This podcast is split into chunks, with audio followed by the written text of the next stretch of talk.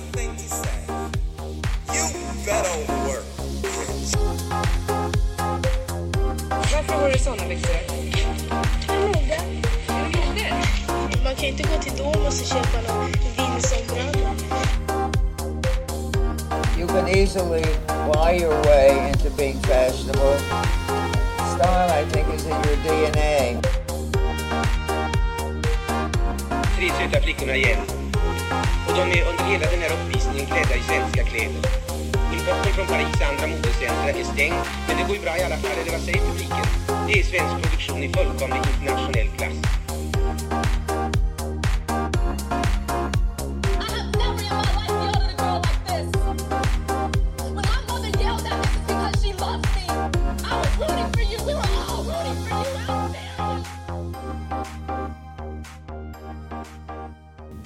I farfars snickarbod hänger ett par gamla skosnören på en egen krok.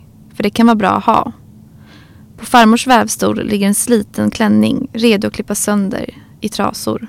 Morfars favoritbyxor är köpta på 70-talet och fortfarande i prima skick. Mormor sydde kuddar av min gammelfarfars gamla slipssamling.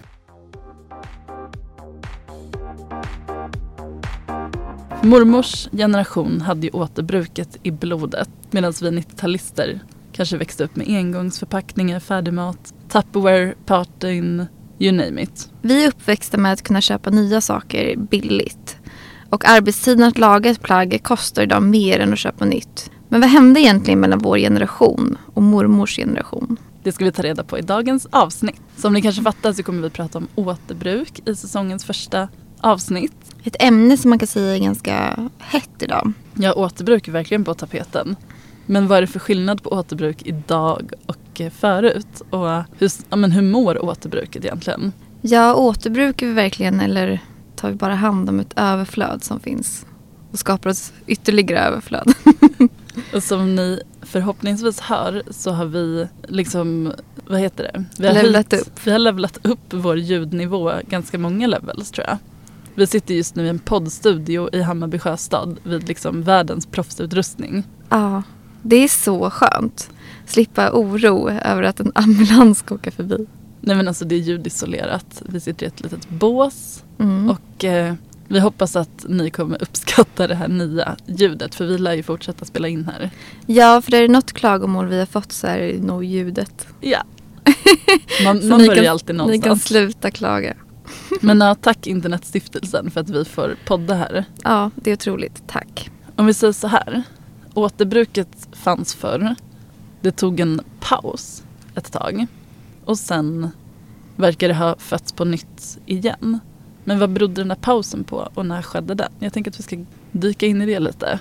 Ja, man kan väl säga att pausen kom där från 50-60-talet efter kriget. Det var nämligen då slit och, säng, slit och slängsamhället utvecklades. Precis. Klädproduktionen och fast, med fast fashion började sakta men säkert ta sin plats.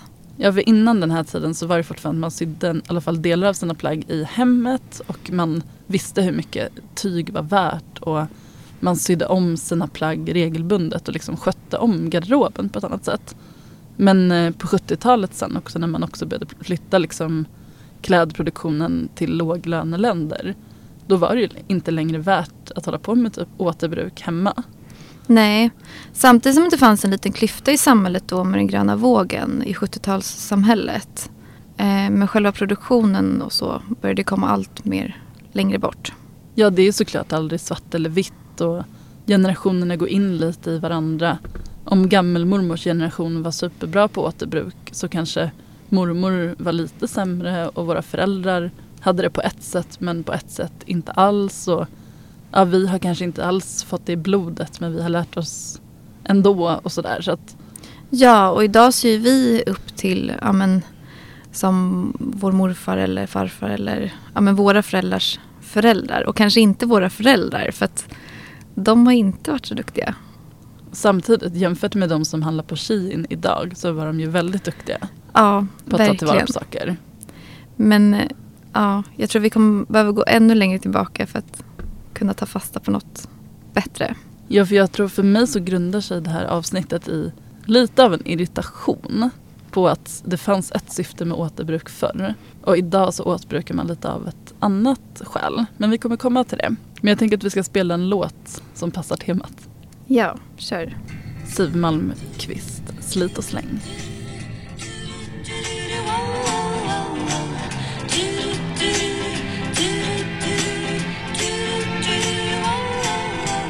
tidningar och P2 tutar folk från morgon till kväll. Om du vill fixa framgång ska din stil vara rationell. Att vara inne på det viset tycks ha blivit din refräng. För du har slit och släng Slit och släng din festliga Cadillac Slit och släng din fina båt Slit och släng din toppen Om vi tar ett skutt framåt till nutid så har ju textilindustrin ganska mycket problem. Ja, verkligen. För vår klädkonsumtion har ju ökat, minst sagt. Och för att ge lite siffror, bara för att få lite grepp om det här innan vi går tillbaka till historien. Så har man i Sverige sett en ökning på nästan 53 procent i klädkonsumtionen mellan 1990, 1999 och 2009. Det var en ganska gammal siffra. Men vi har en nyare siffra här. Ja. Mellan 2000 och 2019 så ökade textilkonsumtionen per person i Sverige med 30 procent. Mm. Så det ökar hela tiden. Ja, och i genomsnitt så köper vi ungefär 13,7 kilo textilier per år. Varav 10 kilo av dem är kläder. Alltså per person. Ja, det är en tankeställare minst sagt. Och, Och, ja, men vad händer med alla de här kilokläderna? ja, alltså mycket hamnar ju, hamnar ju tyvärr i hushållssoporna. Man har sett att årligen hamnar ungefär 7,5 kilo textil per person i soporna.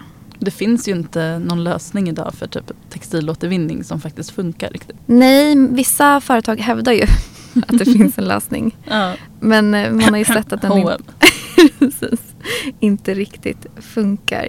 Nej, det är ju inte så att jag enkelt kan gå och slänga ett par trasiga jeans. Liksom. Men visst, jag tror att det är på väg framåt. Mm. Och här tänker vi att eh, man skulle kunna titta bakåt för att få lite inspiration.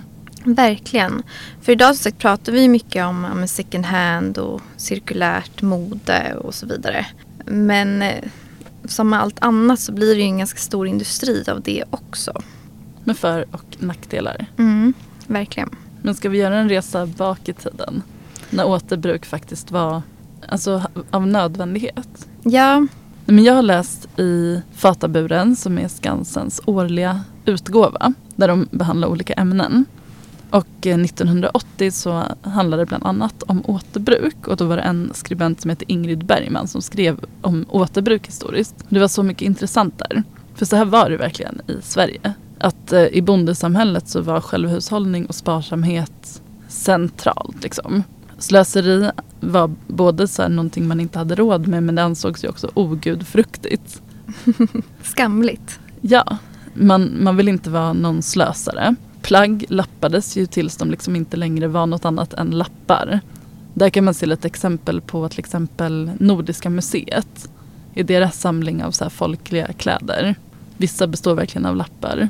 Och eh, det kan vara ganska snyggt. Men Ja, ofta har man kanske ibland svårt att till och med hitta original originalplagget hur det ser ut. För att det har fått så mycket olika uttryck genom tiden. Genom att man har lappat och lagat. ja, man sydde om exakt allt. Både att man sydde, sydde ja, men lagade men också att man kunde sy om en skjorta till ett barnplagg eller till no, ett kuddfodral eller vad vet jag. Alltså så, här, så textilhistoriker har faktiskt problem med att hitta intakta plagg från olika tider för att man återanvänder så pass mycket. När det gällde ylletyger, det var ganska liksom värdefullt. Det sydde man ju om också till andra plagg då. Mindre yllebitar kunde man använda för att lappa eller dekorera när man gjorde, kanske gjorde en kudde och ville ha lite lappteknik på den till exempel. Ja, eller satte på en ficka på ett hål.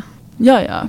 Och man kunde också både plocka isär ylletyg ner till trådform och sen göra ett nytt tyg av det. Eller så kunde man repa upp stickade ylleplagg till, ny, till bara tråd och sticka något nytt av det.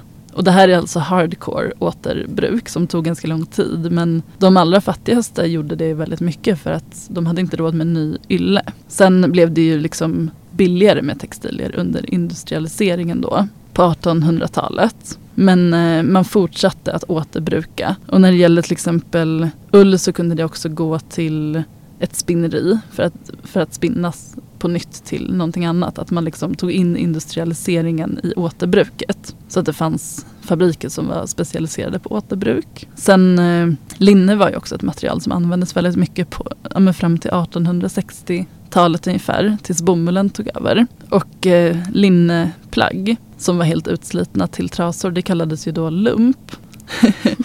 och, och lump det var den vanligaste råvaran när man gjorde papper i Sverige på 1800-talets mitt. Vad härligt att ha linnepapper. Ja, man gjorde sedlar av det. Så det var nog ganska härligt att hålla en sedel. Alltså det var ett skönt material i dem. Andades. Det fanns faktiskt, det var liksom staten som höll i sedelproduktionen. Det är det nog fortfarande. Men då var det också så att det var en medborgerlig plikt att donera eller sälja sin lump billigt till staten. Det åkte liksom runt en lumpsamlare från staten till gårdarna och samlade in lump som man fick lite betalt för. Då. Och det var inte jättepopulärt för att de flesta ville hellre behålla sin egen lump och typ göra en trasmatta av det. För att det var inte så värt att sälja det billigt. Men man var tvungen. Det var lite som att panta. Ja, det var som att panta. Panta lumpen. Verkligen. Och samtidigt kan man väl tänka sig att om man inte hade liksom sålt sin lump för att göra sedlar av den så hade man ju gått utan pengar. Precis. Så det var väl kanske, det fanns någon typ av incitament att ändå göra det. För att annars hade man inte haft några sedlar. Men det här gäller väl kanske så här vanliga vi, vit eh, linne som man hade i underkläder och så. Sen när det kom lite finare mönstrade bomulls och sidentyger, även i liksom allmogens hem, då sparade man ju dem för att det var så fina tyger. Och då kan, kunde det vara fint att göra ett foder kanske av någon gammal klänningstyg, ett mönstrat. Att lappa en liten väska som man bar utanpå kjolen. Ehm, och sidentyg kunde också repas upp och göras till ett nytt sidentyg igen. Det var ett väldigt fin form av återbruk. Och lapptäcken började man göra, som står i den här artikeln i alla fall, som jag blev förvånad över, att det blev en grej på 1900-talet först. Oj, jag tänkte att det var mycket tidigare. Ja, det tror man inte. Men lapptäcken känner nog alla igen. Kanske haft ett själv. Verkligen. Och det, var också, det tycker jag är så fint för då har man ju ofta så här favorittyglappar som man kanske har gjort ett plagg av tidigare och hade en liten lapp kvar av. Så varje lapptäcke kan ju berätta en historia om massa andra saker man har sytt. Liksom. Och sen, eh, som jag vet att du har läst på mer av, så kom ju trasmattan också. Ja, det är lite likt som du sa det med lapptäcke. Att man ja, men väver in minnen helt enkelt. Ja, det är verkligen också en fin sak med återbruk. Att det finns så många lager av minnen i vad det har varit tidigare. Mm. Och det är också intressant för textilhistoriker såklart att kunna se det här plagget har varit fem olika saker och vi kan spåra historien i stygnen. Sen när det gäller skinn så var det också någonting man återanvände och hade kläder av. Och eh, en, ett gammalt skinnförkläde kunde till slut liksom bli en baksida till en väska eller någonting. Sen återbruket handlade väl också lite om att klädvårda skulle jag säga.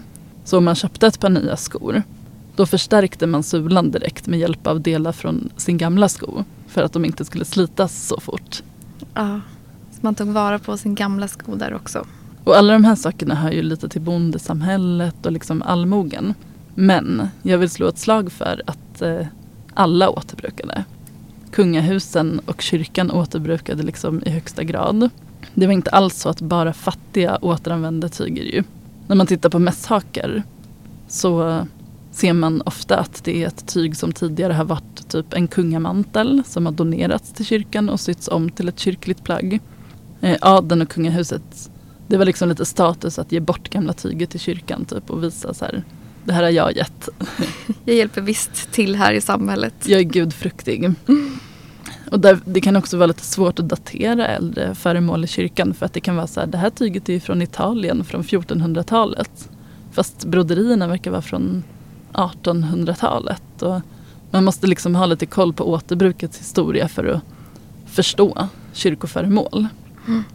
Och eh, det var inte heller fult att se att det var lite lappat och lagat och det var inte alltid så bra mönsterpassat även i kungens Alltså kung, ett par kungabyxor på 1600-talet kunde vara lite hipp som happ ihopsydda av bitar man hade. Och de var inte fattiga men tyg var så ofantligt dyrt liksom. Speciellt då de finaste sidentygerna. Om man går på ett museum vilket som helst så kommer man nog se att alla textilier där har på något sätt utsatts för återbruk.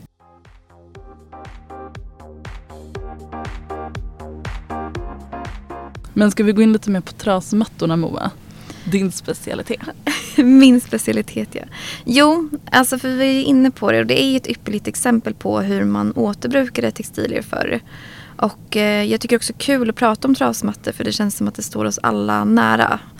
De flesta av oss har en trasmatta i hemmet som vi kanske har eh, värvt, ärvt från någonstans och den kanske ärvde någonstans Ja, inifrån. alltså ofta kanske man vet vem som har vävt trasmattan som man har hemma i köket och sådär. Precis.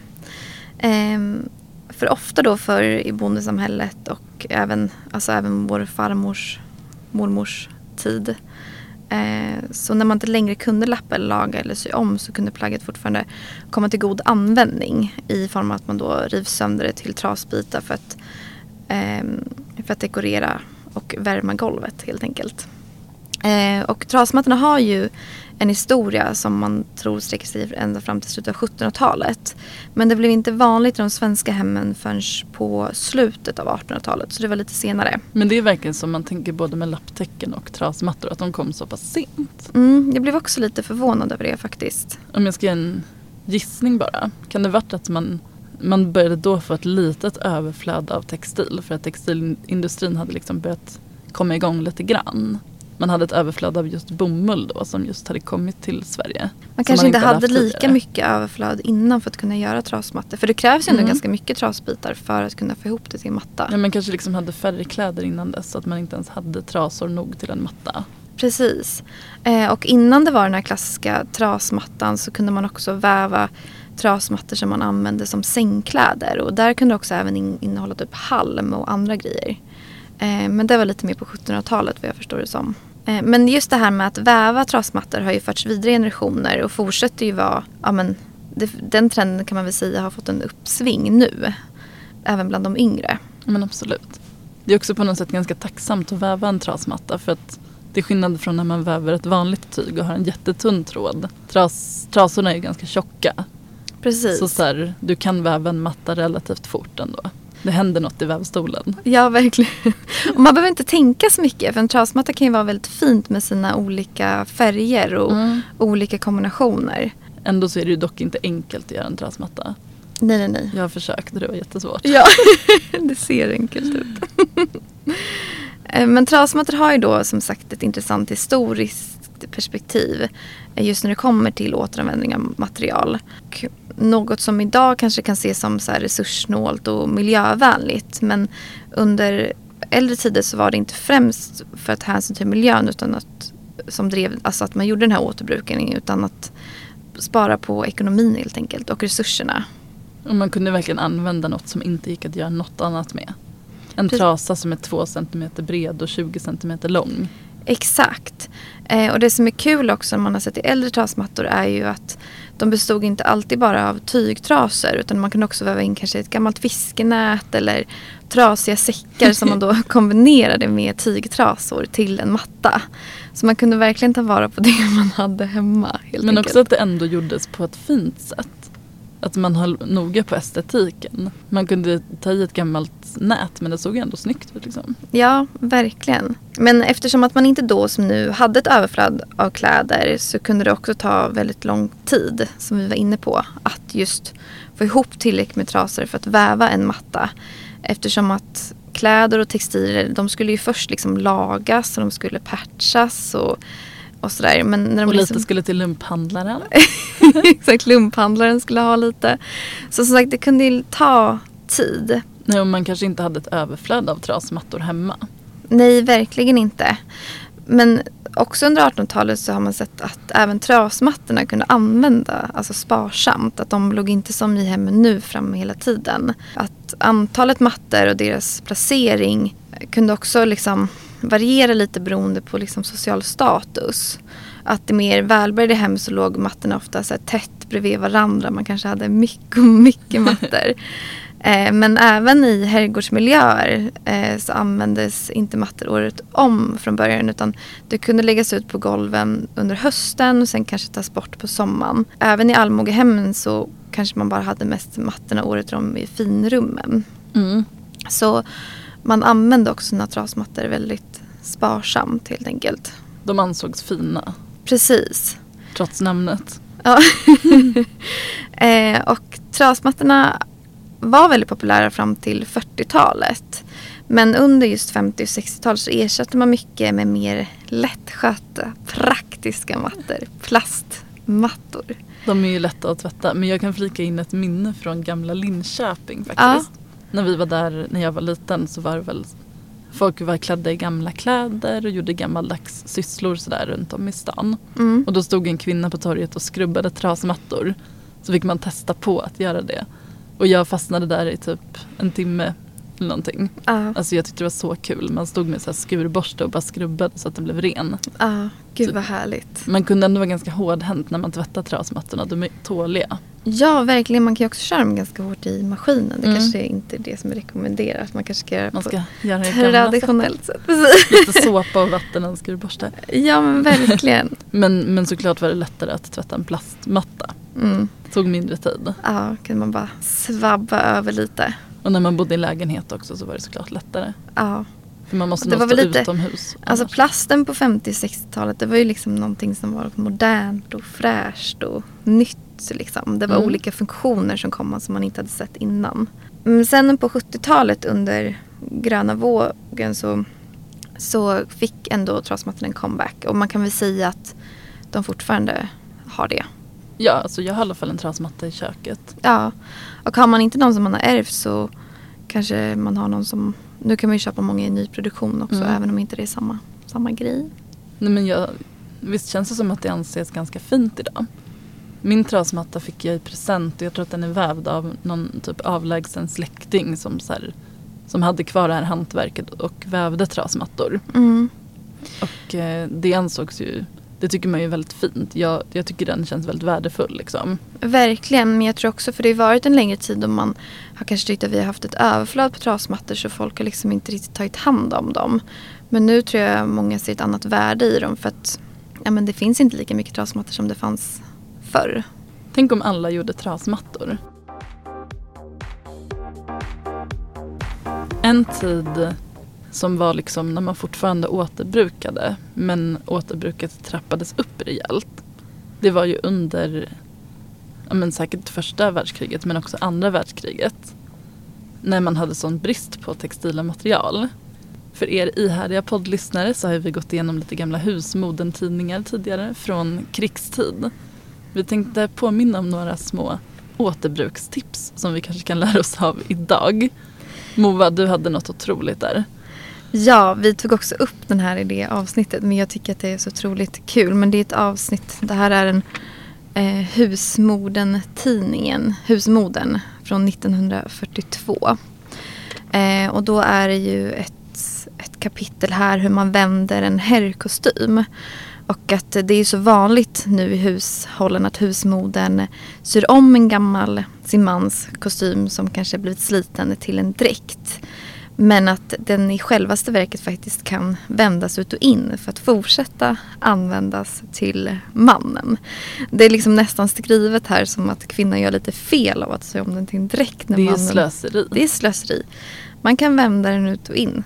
Så man ska alltså sprätta isär varenda söm. Inklusive foder, fickor, allting. Ja, och bara det, vända ut och in. det är bilder här 1 till 6 tydligt.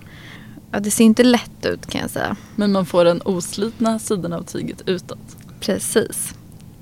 Den tiden det tar. Att man inte tänkte på det. Och här har jag en eh, husmoden från 1943. Och där har de lite tips. Ja, Men både så hur god garderobsvård hjälper till för att få plaggen att hålla i en evighet. Och så har de lite små tips här. Filtcap åt baby, sydd av en gammal filt. Det är ju praktiskt att eh, göra den. Det står dock inte hur man gör den. Jag tror att de bara utgår från att man ska kunna. Ja, ingen, ingen vågar riktigt erkänna att de inte kan. Det är bara en bild på den. Precis. Men det är någonting, jag tror liksom husmödrar på den här tiden förväntades kunna göra sånt här och ta tillvara på resurser. Det var kvar det här också att det var fult att slösa. Precis. Och vad har vi här då? I Damernas Värld från 1943 då fanns det en återkommande frågespalt som vi också har pratat om i avsnittet Mode i krigstid. Mm. Som är värd att påminna om. Fru Eva. Här kunde man fråga fru Eva om tips på att sy om något gammalt till någonting nytt. Så det här var liksom en hel spalt om återbruk. Ja, och när man följer de här tidningarna år efter, eller ehm, tidning efter tidning så ser man ju att det är mer och mer, alltså fru Eva blir ju överraskad av frågor när det kommer till Det blir fler och fler sidor Precis. för den här spalten. Och det är ju hardcore återbruk hon tipsar om. Hur man ska färga tyger, hur man ska sy modeller som lätt går att ändra. Ändringsmodeller kallas det. Ett, slår ett stort slag för gamla tidningar från andra världskriget om man vill få lite tips om återbruk. Men- Ja, verkligen. Eh, man får mycket tips. Jag har också ett annat exempel här, ganska klassiskt, men det är två barn, säkert syskon, som har liknande kappor eller rockar på sig. Och de kan man tänka sig kanske kommer från en Kanske från pappans rock. Pappas gamla stor, stora, Stora rock. rock. Precis, blir två små rockar. Tur att de inte gjorde en dräkt för dam. För det hade ju varit slöseri. Verkligen, man måste tänka på mannen och barnen. först. Det som är tydligt med den här typen av återbruk det är ju att det var fullt nödvändigt att återbruka och hushålla på, under andra världskriget för att det var textilransonering. Men också att det hängde kvar från bondesamhället, att man visste hur man gjorde. Ja, och också att deras föräldrar, alltså från första världskriget, att det låg liksom nära i generationerna. Att till Mm. skillnad från våra generationer som har hamnat lite för långt bort. Att det fanns liksom fortfarande i blodet. Att det ansågs liksom skamligt att inte ta vara på det man hade. Man kan ju också tänka sig att det gick i vågor, att mellankrigstiden kanske var en tid när man ändå tyckte att det kändes lite nice att man bara kunde köpa färdiga saker. Verkligen. Och eh, när man inte var tvungen att återbruka allt. Man kanske bodde i stan. Det gick att köpa viss ready to wear i alla fall ganska billigt.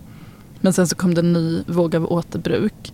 Och för, för jämför man slutet av 1800-talets återbruk i bondesamhället där man repade upp hela plagg för att spinna om ylletråden. Då var det såklart kanske mindre återbruk på 40-talet. Även om man vände kostymer så var det inte att man gick ner på trådnivå. Nej, verkligen inte. Så lite hade det kanske mattats av. Och jag tycker det är lite kul för att jag har en bok som heter När vi var barn. Som jag också använt tidigare i podden. Mm. Och där kan man väl se lite av en generationskrock när, när eh, författaren berättar om sin morfar som är född sent 1800-tal skulle jag gissa. Och eh, hon är då född på 40-talet så hon är ändå född under krig, andra världskriget. Men hon kan ändå så reagera på att han återbrukar så extremt mycket liksom. här är det. Tycker det är så himla roligt. Hon beskriver sin morfar då. Morfar var en tusenkonstnär. Det sa mamma. Allt kunde han göra med sina händer. Han snickrade möbler i källaren och han hittade på nya arbetsredskap och apparater. Ingenting fick kastas innan han sett om det inte gick att använda till något nytt. Det är lite som din farfar. Och eh, bara en gång minns jag att han gjorde något riktigt dumt. Då gjorde han nya byxhängslen åt sig av en gammal cykelslang och fick eksem över hela kroppen och måste ligga på sjukhus. Ändå kreativt. Men det känns som att hon, hon beskriver det som, som barnbarn till honom. Och hon tillhör ju egentligen våra mormors och farmors generation. Så vi tycker att sådana som hon är superbra på återbruk jämfört med oss. Ja, Men hon såg väl upp till sin morfar och tyckte att han en, hade ännu mer i sig. För det var ändå verkligen. något hon reagerade på. Ja, för den generationen de köper fortfarande mycket nytt. Men de har ändå liksom kunskapen om att laga och sy. Så det blir Mm. liksom lite så här 50-50 på något sätt. Medan morfan var verkligen en del av självhushållningssamhället. Mm. Det som han hade, det hade någon i hans familj tillverkat. Liksom. En annan person som, som är ganska känd, som har skrivit om återbruk, det är Dolly Parton. Vår älskade Dolly Parton. Stort fan. Dolly Parton, det kanske inte är det första man tänker så här, återbruk, men hon har gjort en låt som handlar precis om det. Och den är jättefin. Ja, hon är ju uppvuxen med otroligt många syskon. Och väldigt fattigt och eh, knapert. Och eh, på hösten när det började bli kallt när hon var liten så hade hon ingen kappa. Och eh, det enda de hade hemma var deras låda med gamla trasor och lappar. Och eh, mamman sa då att jag syr dig en kappa av det här. Och medan hon sydde ihop lapparna i olika färger och olika tyg så sa hon att det fanns en historia i bibeln som handlade om att Josef hade en cap, a coat of many colors. Och därför så kände Dolly att hon hade liksom en nästan religiös kappa. Men, men när hon kom till skolan i sin coat of many colors så blev hon ju retad. För att hon var fattig. Hon kunde inte förstå varför. För hon kände sig rik för att hennes mamma hade liksom sytt in så mycket kärlek i varje stygn. Back through the years, I go wandering once again. Back to the seasons of my youth. I recall a box of rags that someone gave us. And how my mama put the rags to use. Colors. Every piece was small, and I didn't have a coat, and it was away down in the fall. Mama sewed the rags together, so in every piece with love, she made my coat of many colors that I was so proud of. Men lite så, um, om man jämför återbruk förr med återbruk idag, då tycker jag liksom att den stora skillnaden är kanske syftet, varför vi gör det. Ja, för historiskt sett så var textilt återbruk en nödvändighet. För man hade ja, men knappa resurser helt enkelt. Kläder var värdefulla. Ja, verkligen. Kläder var liksom inte bara ett plagg att bära utan också en värdefull resurs att kunna användas liksom om och om igen. Eller Bli något ut. nytt. Och, Precis. Till barnen, till mannen. ja, men man, man visste också hur värdefullt det var att inte frysa. Att se representabel ut. Att kunna ha något fint på sig i kyrkan och så vidare. Precis. Sen så fanns ju också kunskapen som vi har tappat mycket idag. Kunskapen om att, att sy, laga och att, och att förnya kläder var liksom mer en, ja, en del i vardagen. Om man köpte ett plagg så tänkte man nog inte bara att så här, det här är mitt plagg. Utan man tänkte kanske det här är mitt plagg och det kommer vara fem andra personers plagg också. Ja, det måste liksom vara flexibelt för att kunna delas.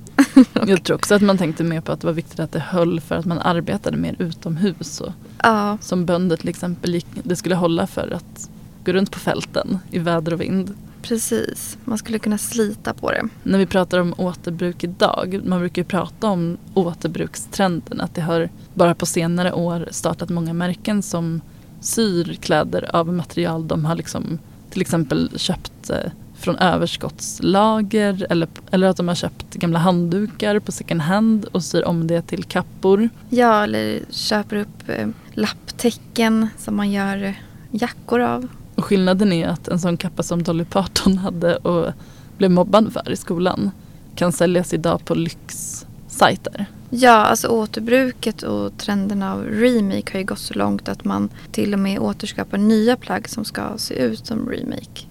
Så trenden har ju absolut kommit. Men skillnaden är ju att vi gör ju kanske inte om plagg för, att, för ekonomiska skäl. Utan mer för att man vill visa att man är trendig, man är woke och individualitet. Man vill visa identitet, vem man är och så vidare. Jag gillar också den här formuleringen att återbruk har nu flyttat fokus. Från att förut ha hamnat, har varit en liksom fråga om resursbrist så handlar det nu om att hantera ett överflöd. Och Det är sam- alltså- Precis. Och samtidigt som vi hela tiden skapar ett nytt överflöd. Mm. Som siffrorna vi hörde i början av det här avsnittet, alltså det produceras. Det är överproducerat något så jävligt liksom. Eh, Det finns väl såklart fortfarande folk som har ekonomiska skäl att återbruka eller köpa second hand. Men nya kläder är mycket billigare. Även men för alla samhällsklasser så finns det ganska billiga plagg att köpa liksom. Och i och med second hand-trenden så har ju också second hand blivit dyrare. Ja, ibland kan det vara dyrare på Myrorna än på H&M. Verkligen. Och bara det säger ju väldigt mycket att vi har byggt upp liksom ett ekonomiskt system kring textilier som inte är hållbart.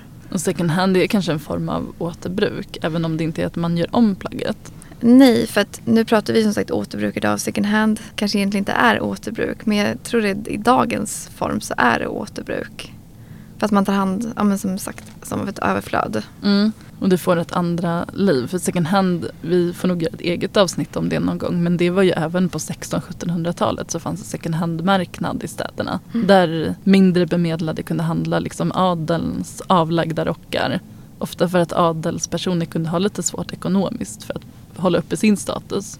Så fick de sälja sina gamla kläder. Så det var väl ingenting som ansågs jättefint att handla second hand under lång tid. Men idag så finns det ju begrepp som vintage och retro och det kan vara väldigt exklusivt att handla kläder på andra varvet. Liksom. Om vi går tillbaka till dagens märken som faktiskt sysslar med återbruk så har jag, jag känner mig tudelad kring det. För när, när något blir en lyxindustri så, eller en industri överhuvudtaget så blir det ofta vissa saker som kan bli lite tveksamma. Verkligen. En sak är ju att när, man förr gjorde ett återbruk för att någonting var trasigt, för att det inte uppfyllde sin gamla funktion. Så är det ju så idag att man köper upp fullt fungerande plagg eller filtar eller dukar. Till exempel på, på en loppis. Klipper sönder det för att göra något annat av det. Fast det var helt och rent från början. Ja, och som en annan person kanske hade velat ha som en fin duk hemma. Ja, för jag ser ju broderade dukar från 20-talet som folk lägger upp på Instagram eller TikTok hur de gör om till en blus. Och då tänker jag, men jag hade ju velat ha den. Alltså duken var ju fullt funktionell redan. Ja, och lika så kan jag känna med, ja men eh, det finns ju den här lapptäckestrenden där man, de köper liksom in nästan bulkar av lapp, gamla fina lapptäcken som är jättefina. För ofta vill, de, vill ju många göra remake av någonting som heller inte har fläckar eller Mm. någonting. Utan Ja, ska se väldigt bra skick ut. Men det är viktigt att det är liksom vintage eller second hand för att kunna kalla det remake eller vad man ska säga. Och sen göra om det till en jekappa eller så. Mm. Som kanske inte alltid blir så fin och som kanske inte ens används. Nej, utan man vill mer visa att, eh, att man är kreativ och man kan sy. Och man vill följa en trend helt enkelt. När jag har sett folk som, som öppet säger att titta, här är en quiltat täcke från 1940-talet. Titta, jag gör en jacka av det. Ja, Här är min tutorial. Och jag är så här, men klipp inte i något som någon har sytt för hand på 40-talet. nej, för det är också så här, man kan ju tänka sig att, eller man är lite bortskämd med att man via auktioner och så har sett kanske så här gamla vävda lakan och så vidare i bulkar liksom, och Mm. lapptäcken och även trasmattor. Men allt det här börjar vi få mer och mer brist av. Eh, så att då klippa sönder det på det sättet, då tycker jag att man kan använda det kanske som det är. Jag tänker att då kanske man hellre får ta ett nyare lakan. Lite sämre kvalitet. Som har fått ett hål i sig. Mm. Och göra om det till någonting bättre. Ja, för att jag tycker inte riktigt att det blir återbruk. Nej, jag tycker att det blir konstlat och Mm. mer av en industri. Och det finns ett märke som, som gör kappor, rutiga kappor och sådär. Och eh, vad jag förstod det så jag såg en kollektion där de hade använt gamla kiltar som hade köpts upp på second hand i Skottland. Och eh, sytt nya saker av det. Och det är ju väldigt hög kvalitet i yllet och de är fint vävda och så. Jag har inte minst sagt ett kulturarv. Så där tänker jag att de här kiltarna var antagligen hela innan de klippte i dem och gjorde kappor av dem. Och kanske hade folk i Skottland velat köpa dem och ha dem på sig som en del av sin kultur. Att där kanske det blir så att vissa större märken går och finkammar second hand-butiker på olika platser. Så att det inte finns något kvar till dem som faktiskt hade velat kunna köpa sig en lite billigare kilt fast fortfarande i bra kvalitet. Och då blir det som att det motverkar sitt syfte lite tycker jag. Men verkligen. Och sen också kan jag tycka att många... Att det finns också... Alltså det är bra på ett sätt att de här märkena finns såklart. Alltså de gör ju mycket bra än många andra. Och det krävs ju väldigt mycket att kräva att producera nytt tyg och så vidare. Men jag tycker att man måste liksom se på det på en annan vinkling. Och det är svårt att sätta en gräns var det är okej att göra återbruk. Jag kan inte alls säga var den gränsen går. Det är väl fall till fall kanske. Men man kanske inte ska förstöra gamla kulturminnen. Och eh, man kanske bara ska ha med sig att bara för att något heter återbruk och görs idag så behöver det inte vara 100% bra. Men eh, vi gör ju ett återbruk just nu i vår ateljé. Och det är att vi syr ihop Marianne godispapper och gör ett tyg av det. Ja, eh, för det här var ett, vad ska man säga, ett litet hållbarhetsprojekt eh, som utlyses. Eller, ja. Ja, men det är en opera som heter Min opera som hade en liksom, tävling för att man skulle göra en kostym till en pjäs eller en operaföreställning Det skulle vara hållbart och det skulle vara tema godis bland annat. Så då ville ju vi sy av använda godispapper. Ja, så vi har faktiskt använt oss av där en kommun har sparat in godis till oss och även eh, ett café här i Stockholm, ett creperi på Söder. De ger Marianne till kunden efter kaffet och så sparar de sen pappret och ger till oss. Ja, Så det måste vi ändå säga att där hade det inte kunnat användas till något annat. Det hade slängts om inte vi gjorde tyg av det. gud ja. Sen krävs det kanske lite kunskap där hur man ska göra, alltså själva tekniken. Och tid. Alltså det har tagit så lång tid. Så just nu vill inte jag se ett Marianne-papper igen. Nej, Men, verkligen inte. men, men, men det finns olika sorters återbruk och man kan faktiskt använda typ skräp och göra det snyggt. Ja, jag tror verkligen alltså just typ när det kommer till kostymdräkter eh, och ja, men, konst och så vidare. Den formen av utställningar eller kanske fashion pieces till eh, fashion week och så Mm. vidare, konserter. Att där kan man verkligen ta vara men, på godispapper och sånt. För det behöver inte kanske andas lika mycket. Man kanske inte ska stå i spöregn eller vandra med det. Liksom. Man kanske inte ska torktumla det.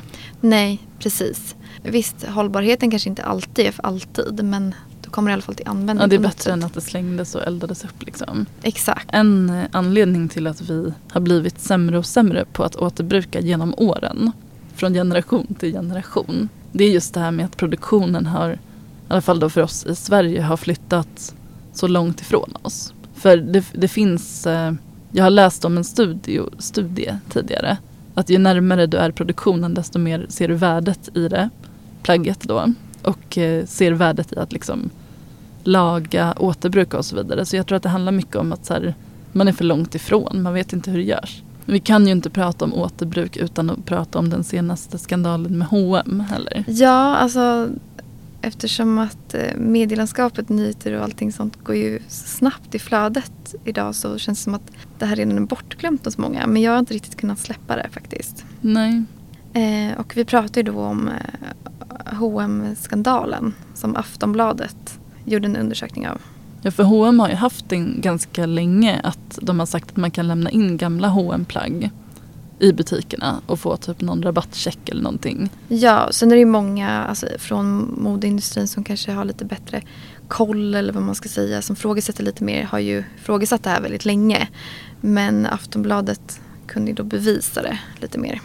Ja, de satte ju typ GPS på plaggen som lämnades in för att se vad som hände med dem. Och eh, hittade väl dem på någon strand Ghana typ. Ja, i klädberg liksom. Dumpade. Ja, och eh, hittades även på marknader och så Mm. vidare. Så att eh, medan personen som lämnar in det kanske tror att de gör om fibrerna till nya plagg och sådär. Men det skulle vara så himla lustigt om en person från 1890 gjorde en tidsresa till 2023 och fick se hur företag eldar upp textilier Ja. som de har ett överflöd av för att de inte vill prisdumpa. Mm. Som slänger kläder bara på en soptipp. Alltså de hade varit så chockade. Ja, verkligen. Nej, jag tycker att vi måste lära oss av hur det var då. Ja, och verkligen också prata mer om klädkonsumtionen. För man pratar så mycket om så här grön omställning och hur vi ska el elifiera allting. Men man måste prata mer om mode tycker jag. Och vi måste personligen ta lite mer ansvar för våra kläder. Ja. Och deras livscykel. Verkligen. Eh, men ett hett tips då är ju att gå tillbaka lite i historien och de här gamla böckerna och tidningarna. För där kan man ju verkligen som sagt få tips. Kolla hur man gjorde under kristid. Mm. Tack för att ni lyssnade på vårt första avsnitt för säsongen. Vårt första avsnitt i ett poddbås. Ja, det ska bli kul att lyssna på resultatet. Ja, Tänk om vi inte har spelat in något. det får vi se. Men ha det bäst så hörs vi om två veckor med ett nytt spännande avsnitt. Ja, vi hörs. Ha det bra. Puss puss. Back through the years, I go wandering once again. Back to the seasons of my youth. I recall a box of rags that someone gave us. And how my mama put rags to use. There were rags of many colors. Every piece was small, and I didn't have a coat, and it was away down in the fall. Mama sewed the rags together, so in every piece with love, she made my coat of many colors that I was so proud of. As she sewed, she told a story from the Bible she had read about a coat of many colors Joseph wore, and then she said, Perhaps this coat will bring you good luck and happiness. And I just couldn't wait to wear it, and Mama blessed it with a kiss. My coat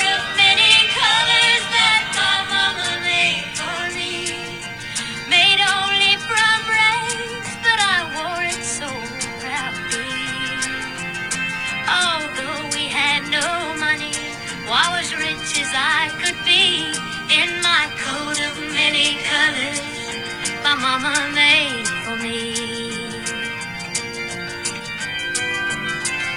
So with patches on my breeches and holes in both my shoes and my coat of many colors, I hurried off to school just to find the others laughing and making fun of me my coat of many colors my mama made for me.